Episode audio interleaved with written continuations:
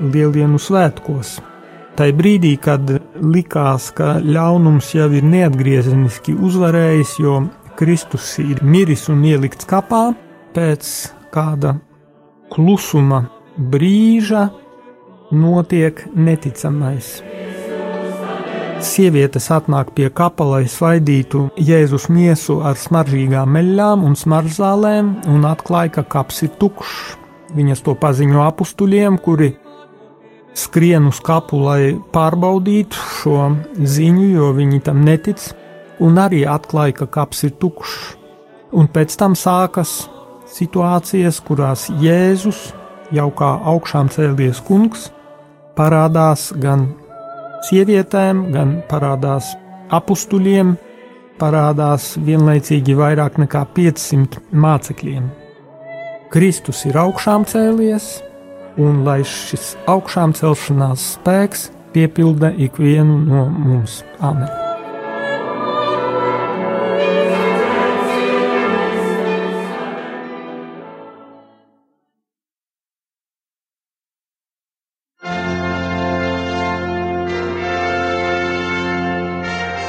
ne ar mēli, bet ar darbiem un patiesību.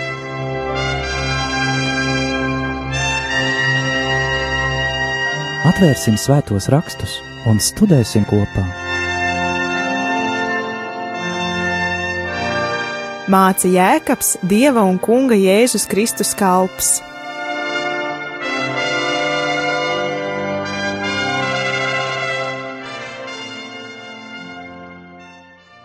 Kristus ir augšām cēlies. Patiesi augšām cēlies. Studijā atkal ir Stela un Anģela. Kā turpināsim lasīt Jēkaba vēstuli. Pagājušā reizē mēs sākām pētīt tās trešo nodaļu un jau ieskatījāmies visā tajā, gan labā, gan vairāk Jēkabs runā par to ļauno, visā šajā dziļumā, ko var nodarīt tāds mazs un lunkāns orgāns kā mēle. Redzējām, ka tā var atnest ļoti lielu posmu, postu. Nedaudz pieskārāmies tam, ka mūsdienās jau šie mēles grēki ir saistīti arī ar to, ko mēs rakstām, jo toreiz, kad Jēkaba vēstule tika rakstīta, bija mutvārdu kultūra, un nonācām pie ļoti interesanta secinājuma, ka tieši tas, ko mēs pastrādājam par mēli, ar mēli, ko mēs runājam, tas ir tas, kas sagāna miesu, un ka tāds izcils mācītājs, izcils vīrs ir tas, kas savalda savu mēli, un ar to pat ir saprasta visas miesas savaldīšana. Tad šodien mēs turpināsim apskatīt to, kā mēli darbojas, kādi ir šie mēlis grēki un cik tālu mēs tajos varam aiziet, un nedaudz pieskarsimies arī tam, ko par to saka pāvests Francisks.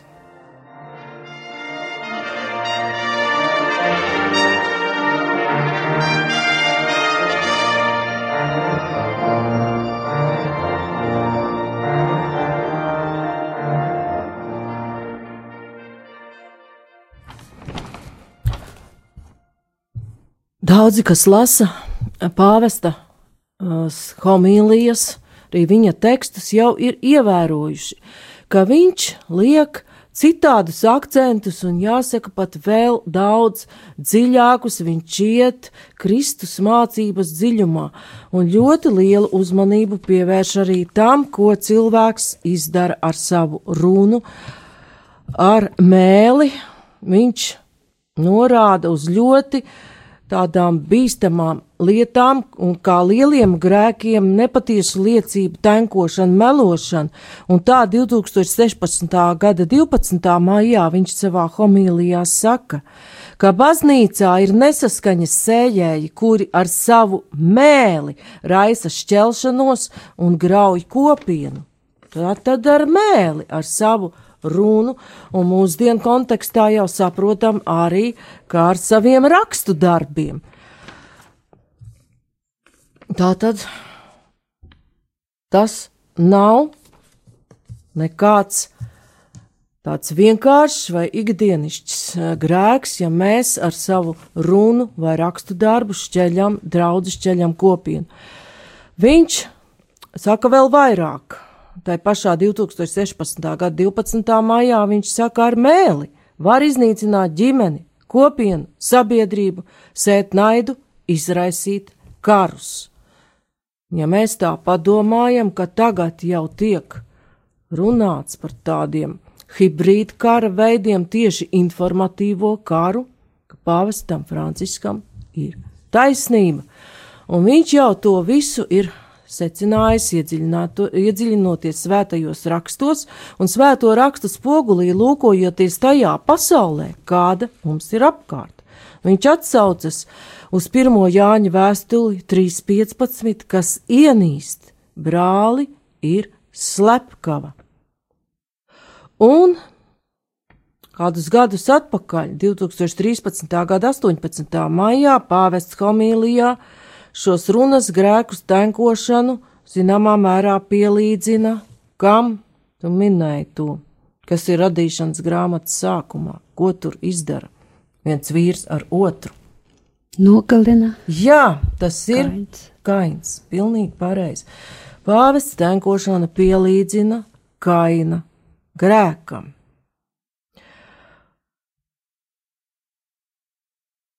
Un apustulis Jākaps to minēja iepriekšreizē. Viņš piemin to, ka cilvēks valda pār zvēriem, pār dabu. Mēs redzam, ka šodien jau valdam pār tik daudziem procesiem, ka jābīstas pat par to, vai drīz šie procesi, īpaši tehnoloģija jomā, nesāks valdīt pār mums, bet tas zvērs kā mēle joprojām nav savaldīts. Un šodien vēlos tādu īpašu uzmanību pievērst trešās nodaļas sestam pantam, un arī mēle ir kā uguns netaisnības pasaule. Mēle ir likta starp mūsu locekļiem, tā apgāna visu miesu un aizdedzina dzīves ritumu, jo pati ir elles aizdedzināta. Mēle apgāna visu miesu. Tā saka apustulis Jēkabs. Un vai tad to viņš ir kaut kur tā, bez kāda pamatojuma sacījis? Viņš šeit attīst tālāk domu, ko jau ir teicis pats kungs un mācītājs. Jo man liekas, varbūt atceries, kad Mateja evaņģēlijā Jēzus runā par kaut ko, kas iet un iziet. Jā, Jā tas Varbūt eh, Mateja 12. nodaļā. ir. Jā, 12, 36, 37, Jā. ja nekļūdos. Jā. Bet es jums saku par katru veltīgu vārdu, ko cilvēki runās, tiem būs jāatbild tiesas dienā, jo pēc saviem vārdiem tu tiksi taisnots, un pēc saviem vārdiem tu tiksi pazudināts. Tas ir pa vārdu, cik nopietni, kad mēs runājam un ko runājam, jā? Jā, paldies. Un kāpēc ir tāda uzmanība pievērstam vārdam? Mēs jau domājam, faktiski, var teikt, valodiski. Tas, kas ir mūsu sirdī, sāk ietērpties vārdos, un pēc tam nāk ārā gan caur muti, gan iemiesojas darbos. Un Mateja 15. Jā, jā nodaļā. ļoti labi. Jā, ne, nekas mutē ieiet, sagāna cilvēku, bet kas no mutes iziet, tas sagāna cilvēku. Matejs saka, Jā, nu Matejs ir pierakstījis šeit kunga vārdus, jo tā laika jūdu sabiedrībā bija milzīga lielas tās diskusijas, sevišķi farizeju vidū, ka- cik precīzi ir jāpilda uzrakstītais likums, jo bez dekaloga viņiem bija vesels tāds liels apkopojums visdažādāko noteikumu un likumu, kas ir šķīsta barība, kas ir nešķīsta, un cik liels uh, grēks viņu acīs bija tas, ja tu cilvēks pat var būt kādas vajadzības spiests apēdi nepareizo barību, nepareizajā brīdī, un mūsdienās uh, tas varētu būt situācija, ka katolim ir gadījies gavēņa laikā, viņš ir aizmirsis un apēdis gaļu, vai arī bijis uzaicināts ciemos pie cilvēka, kam ir cita pārliecība, un šis noteikums nav saistošs, un nu, ir to gaļu apēdis kaut vai lai pagodinātu to cilvēku, pie kura ir aizgājis.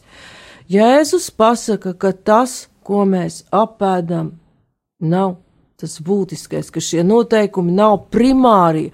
Viņš ar to nedomā, ka tas viss ir atmetams, bet viņš norāda uz to, ka mēs nedrīkstam palikt par šo rakstīto noteikumu vergiem.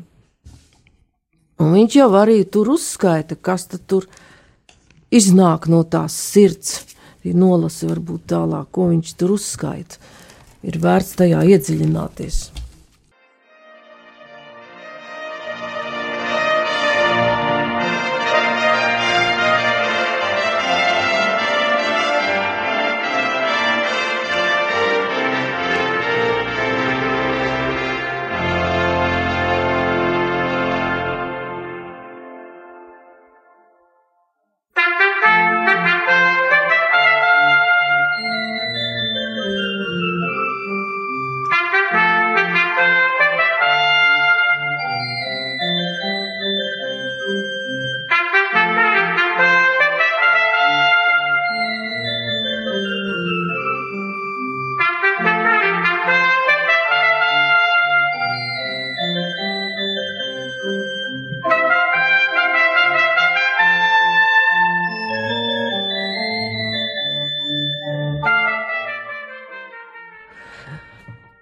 Lasīsim tālāk šo Mateja evaņģēlīja 15. nodaļu. Ko tad Jēzus saka par to, kas ieiet mutē un kas iziet no tās?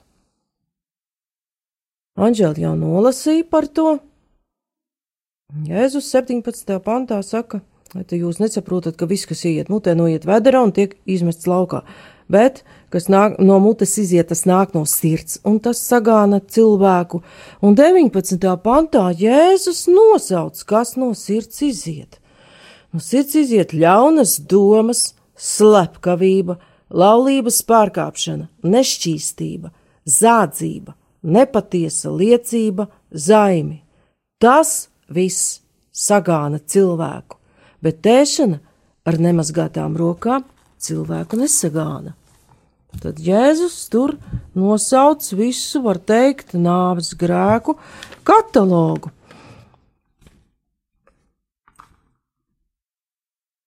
Un kāpēc viņš tam pievērš tādu uzmanību? Jo tieši tas, kas ir sirds dziļumos zīmis, tas ir lēmums par vai pret Dievu un lēmums pārvēršas šajā domas formā, ko mēs parasti saprotam vārdos, pārvēršas tālāk jau par runu un arī darbiem. Un viens no tādiem bīstamākajiem grēkiem, kas arī notiek caur runu un mēli, ir skaudība. Un tālāk, ja mēs ejam jau tālāk Jākab vēstulē, 15. pantā, viņš tam pievērš uzmanību, 14. 15. Jo tur viņš no pēles grēkiem pievēršas divu dzīvesveidu salīdzinājumam, kas jūs starpā ir gudrs un sapratīgs, tas, lai pareizi dzīvodams, uzrāda savus darbus darītus gudrā lēnprātībā. Bet, ja jums sirdī ir rūkta skaudība un ķildes, tad nelielieties un nemelojiet pret patiesību. Tā gudrība nav no debesīm, bet no zemes nākoša, no dabas, no sātana. Jo kur ir skaudība un ķildes, tur ir juceklis un visāda nelietība. Tad šeit Jēkabs jau pievēršas tam, kas nāk no sirds un tālāk iemiesojas vārdos un darbos. Arī Pāvila vēstule galatiešiem ir teikts, Bet es saku, staigājiet garā, tad jūs miesas karību savaldīsiet, jo miesas tieksmes ir pret garu, bet gara tieksmes ir pret miesu, jo šie divi viens otram stāv pretī, kā jūs nedarat to, ko gribat, bet ja gars jūs vada, tad jūs vairs neesat padoti bauslībai, bet zināmi ir miesas darbi, tie ir netiklība, nešķīstība, izlaidība, elku kalpība, buršana, ienaids, strīdi, nenovīdība, dusmas, ķildes, šķelšanās, ķecerība, skaudība, dzeršana, dzīrošana un tam līdzīgas lietas, par kurām es iepriekš saku, ka jau esmu senāk sacījis, tie, kas tādas lietas dara, nemantos dieva valstību. Bet garauglis ir mīlestība, prieks, miers, pacietība, laipnība, labprātība, uzticamība, lēnprātība, atturība. Pret tādām lietām nav bauslības. Paldies! Tātad šeit jau ir Pāvils citos veidos, citā literārā formā pateicis to, ko ir sacījis Jēzus. Un jau ievērojam to, ka ir šīs gara dāvanas minētas, bet kā viens gara auglis. Un interesanti ir tas, ka Jēkaba vēstules trešās nodaļas beigās arī viņš runā par vienu augli, un tas seko pēc teksta par debesu gudrību. Tā gudrība, kas nāk no augšas, vispirms ir šķīsta, tad miermīlīga, lēnīga, paklausīga, pilna žēlastības un labu augļu, taisnīga, bez liekulības, bet taisnības auglis mierā top sēts tiem, kas mieru tur. Un varam ievērot, ka visos tekstos, kas ir pirms šīs teksta par miera un taisnības augli, par garaugli, grēku katalogā vienmēr parādās skaudība, un kāpēc tā skaudība ir tik, varētu teikt, visu grēku karalis. Ar skaudību jau sākās pēc radīšanas tā mūsu nelaime, jo Salamana gudrības grāmatā, kas ir deuterokanoniskā grāmata, tas visos izdevumos, kas ir protestantu izdevumi, nebūs atrodama. Salamana gudrības grāmatā ir teikts, ka ļaunā gara skaudības dēļ ienāca nāve. Tātad cilvēki tika ievesti šai grēkā, tāpēc, ka ļaunajam garam bija skaudība, ka viņiem ir brīnišķīgas attiecības ar Dievu. Un savu skaudību ļaunais gars jau nekautrējoties īstenoja caur tādu melīgu runu. Viņš stāstīja sievietei tādu puspatiesību un ievedu viņu dziļos maldos par Dievu un viņa dabu. Tad viņš ar savu runāšanu un mēli iesēja neusticēšanos starp dievu un cilvēku. Varbūt varētu arī atgādināt par radīšanas stāstu ceturto nodaļu. Jā, kainu un par ābelu un kainu Jā. arī tur bija klāts skaudība. Tad cilvēks atzina ievu, savu sievu, un tā tapa grūta un dzemdēja kainu sac, sacīdama. Es esmu ieguvusi zenu ar tā kunga palīdzību, un vēl viņa dzemdēja tā brāli Ābelu, un Ābels kļuva avju gans, bet Kains kļuva zemes kopējs. Pēc kāda laika Kains nesa no zemes augļiem upuri tam kungam, un arī Ābels nesa upuri no avju pirmdzimšiem un no viņu taukiem. Un tas kungs uzlūkoja Ābeli un viņa upuri, bet Kainu un viņa upuri Dievs neuzlūkoja. Tad Kains iededzās bardzībā, un viņa vaiga, vaigs raudzījās nikni. Tad Dievs sacīja Kainam, kāpēc tu esi apskaities, kāpēc tavs vaigs raugās nikni? Vai nav tā, ja tu esi labs, tu savu galvu vari pacelt, vai, bet ja tu dari ļaunu, tad grēks ir tavu durvju priekšā un tīko pēc tevis, bet tev būs vadīt par viņu. Un Kains runāja ar savu brāli Ābelu, un notika, kad viņi abi bija tīrumā, Kains cēlās pret savu brāli Ābelu un viņu nokāva. Paldies! Kā redzam, šis ir īsts fragments, bet parāda to, kā darbojas skaudība. Kainam nepatīk, ka brāļu upuris tiek pieņemts, un viņš nemeklē iemeslu sevī, jo pilnīgi iespējams daudz eksigēti tieši tā arī domā, ka Kains no tā, kas viņam bija, nedeva dievam labāko, kamēr Ābels upurēja kungam to visu labāko, un tāpēc Ābela upuris tika pieņemts.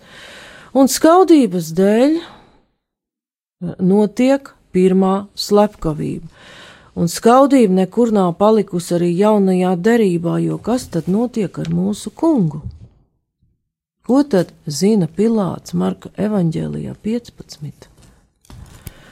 Marka evanģēlijā 15.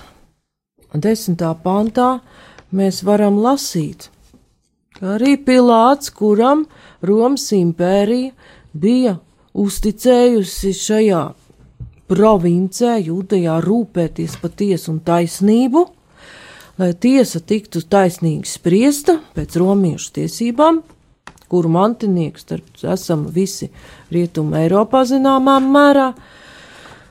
Pilāts brīnišķīgi un labi zināja, ka Jēzu nodeva skaudības dēļ, ka visa šī augstpriesteru Sazvērestība notika ne jau ticības tīrības dēļ, bet ka pamatā bija skaudība, bet Pilāts arī nebija kāds ļoti drosmīgs un nebija nekāds eņģelis, viņam savukārt bija bail par savu krēslu, un tādā veidā viņš piekrita netaisnam spriedumam un atļāva to īstenot. Bet tas nenozīmē, ka viņš neizprata lietas būtību, ka pamatā visai šai viltu sprāvai bija skaudība. Tātad mēs redzam, gan vecā derībā, jo ābelu nokautu arī varam uzlūkot kā Kristus pirmtēlu, un redzam jaunajā derībā, ka skaudība nes nāvi, ka viņa cenšas nogalināt, un arī to izdara. Tikai skaudībai, kā mēs redzam no Jēzus Kristus vēstures, nav gala vārds, Jēzus Kristus patiesība ceļas augšā. Un mēs arī vēsturē daudz redzam skaudības piemērus, ka cilvēks apskaužot otru, pat neredz tās dieva dāvanas, kas viņam ir dotas jo pat hrestomātisks gadījums ir ar Mocartu un Saljeri, kuri abi ir mūziķi. Un vēsturnieki līdz šim laikam pat diskutē, kā tur nu bija, vai galma komponists Saljeri noindē ģeniālo Mocartu vai nē, bet Salieri kaut arī nevarēja kā komponists līdzināties Mocartam, nesaskatīja to, ko Dievs viņam bija devis. Viņš bija izcils pedagogs, izcils skolotājs, kāds savukārt Mocarts nebija. Tātad skaudības dēļ, skaudība aizēno cilvēkam skatu uz tām dāvanām, ko viņš ir saņēmis no Dieva, un līdz ar to viņš nevar viņas pilnvērtīgi lietot un nevar tikt līdz šim gara auglim, par kuru Anžela tur arī nolasīja. Un Jēkabs noslēdz savu, vē, savus vēstules trešo nodaļu ar šo gudrību, kas nāk no debesīm.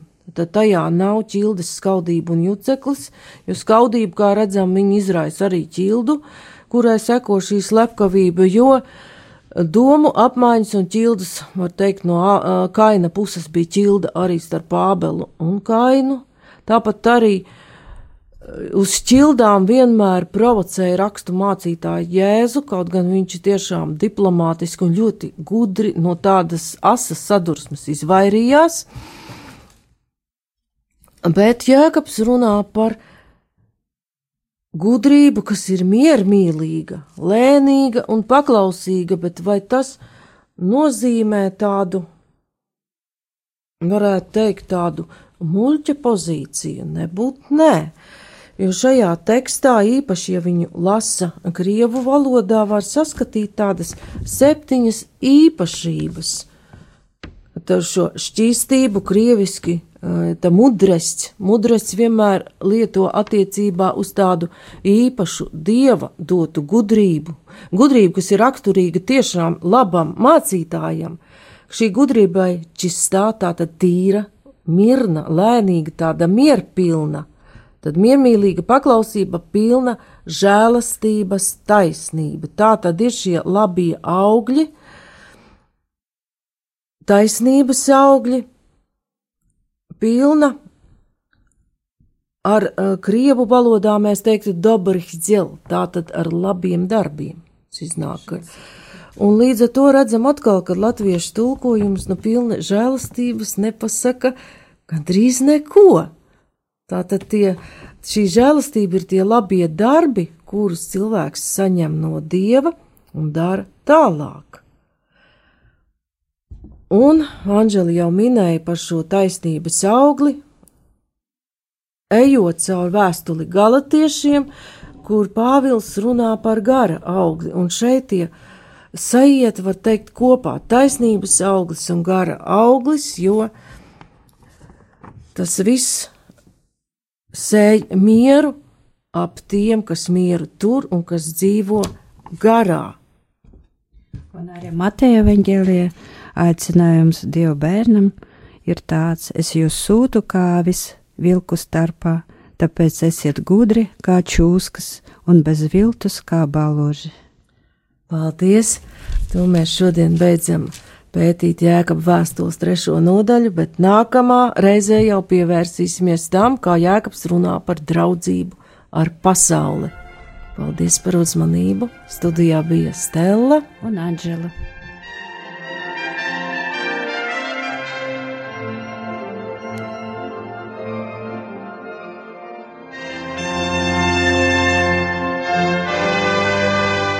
Izskanēja raidījums. Ne ar mēli, bet ar darbiem un patiesību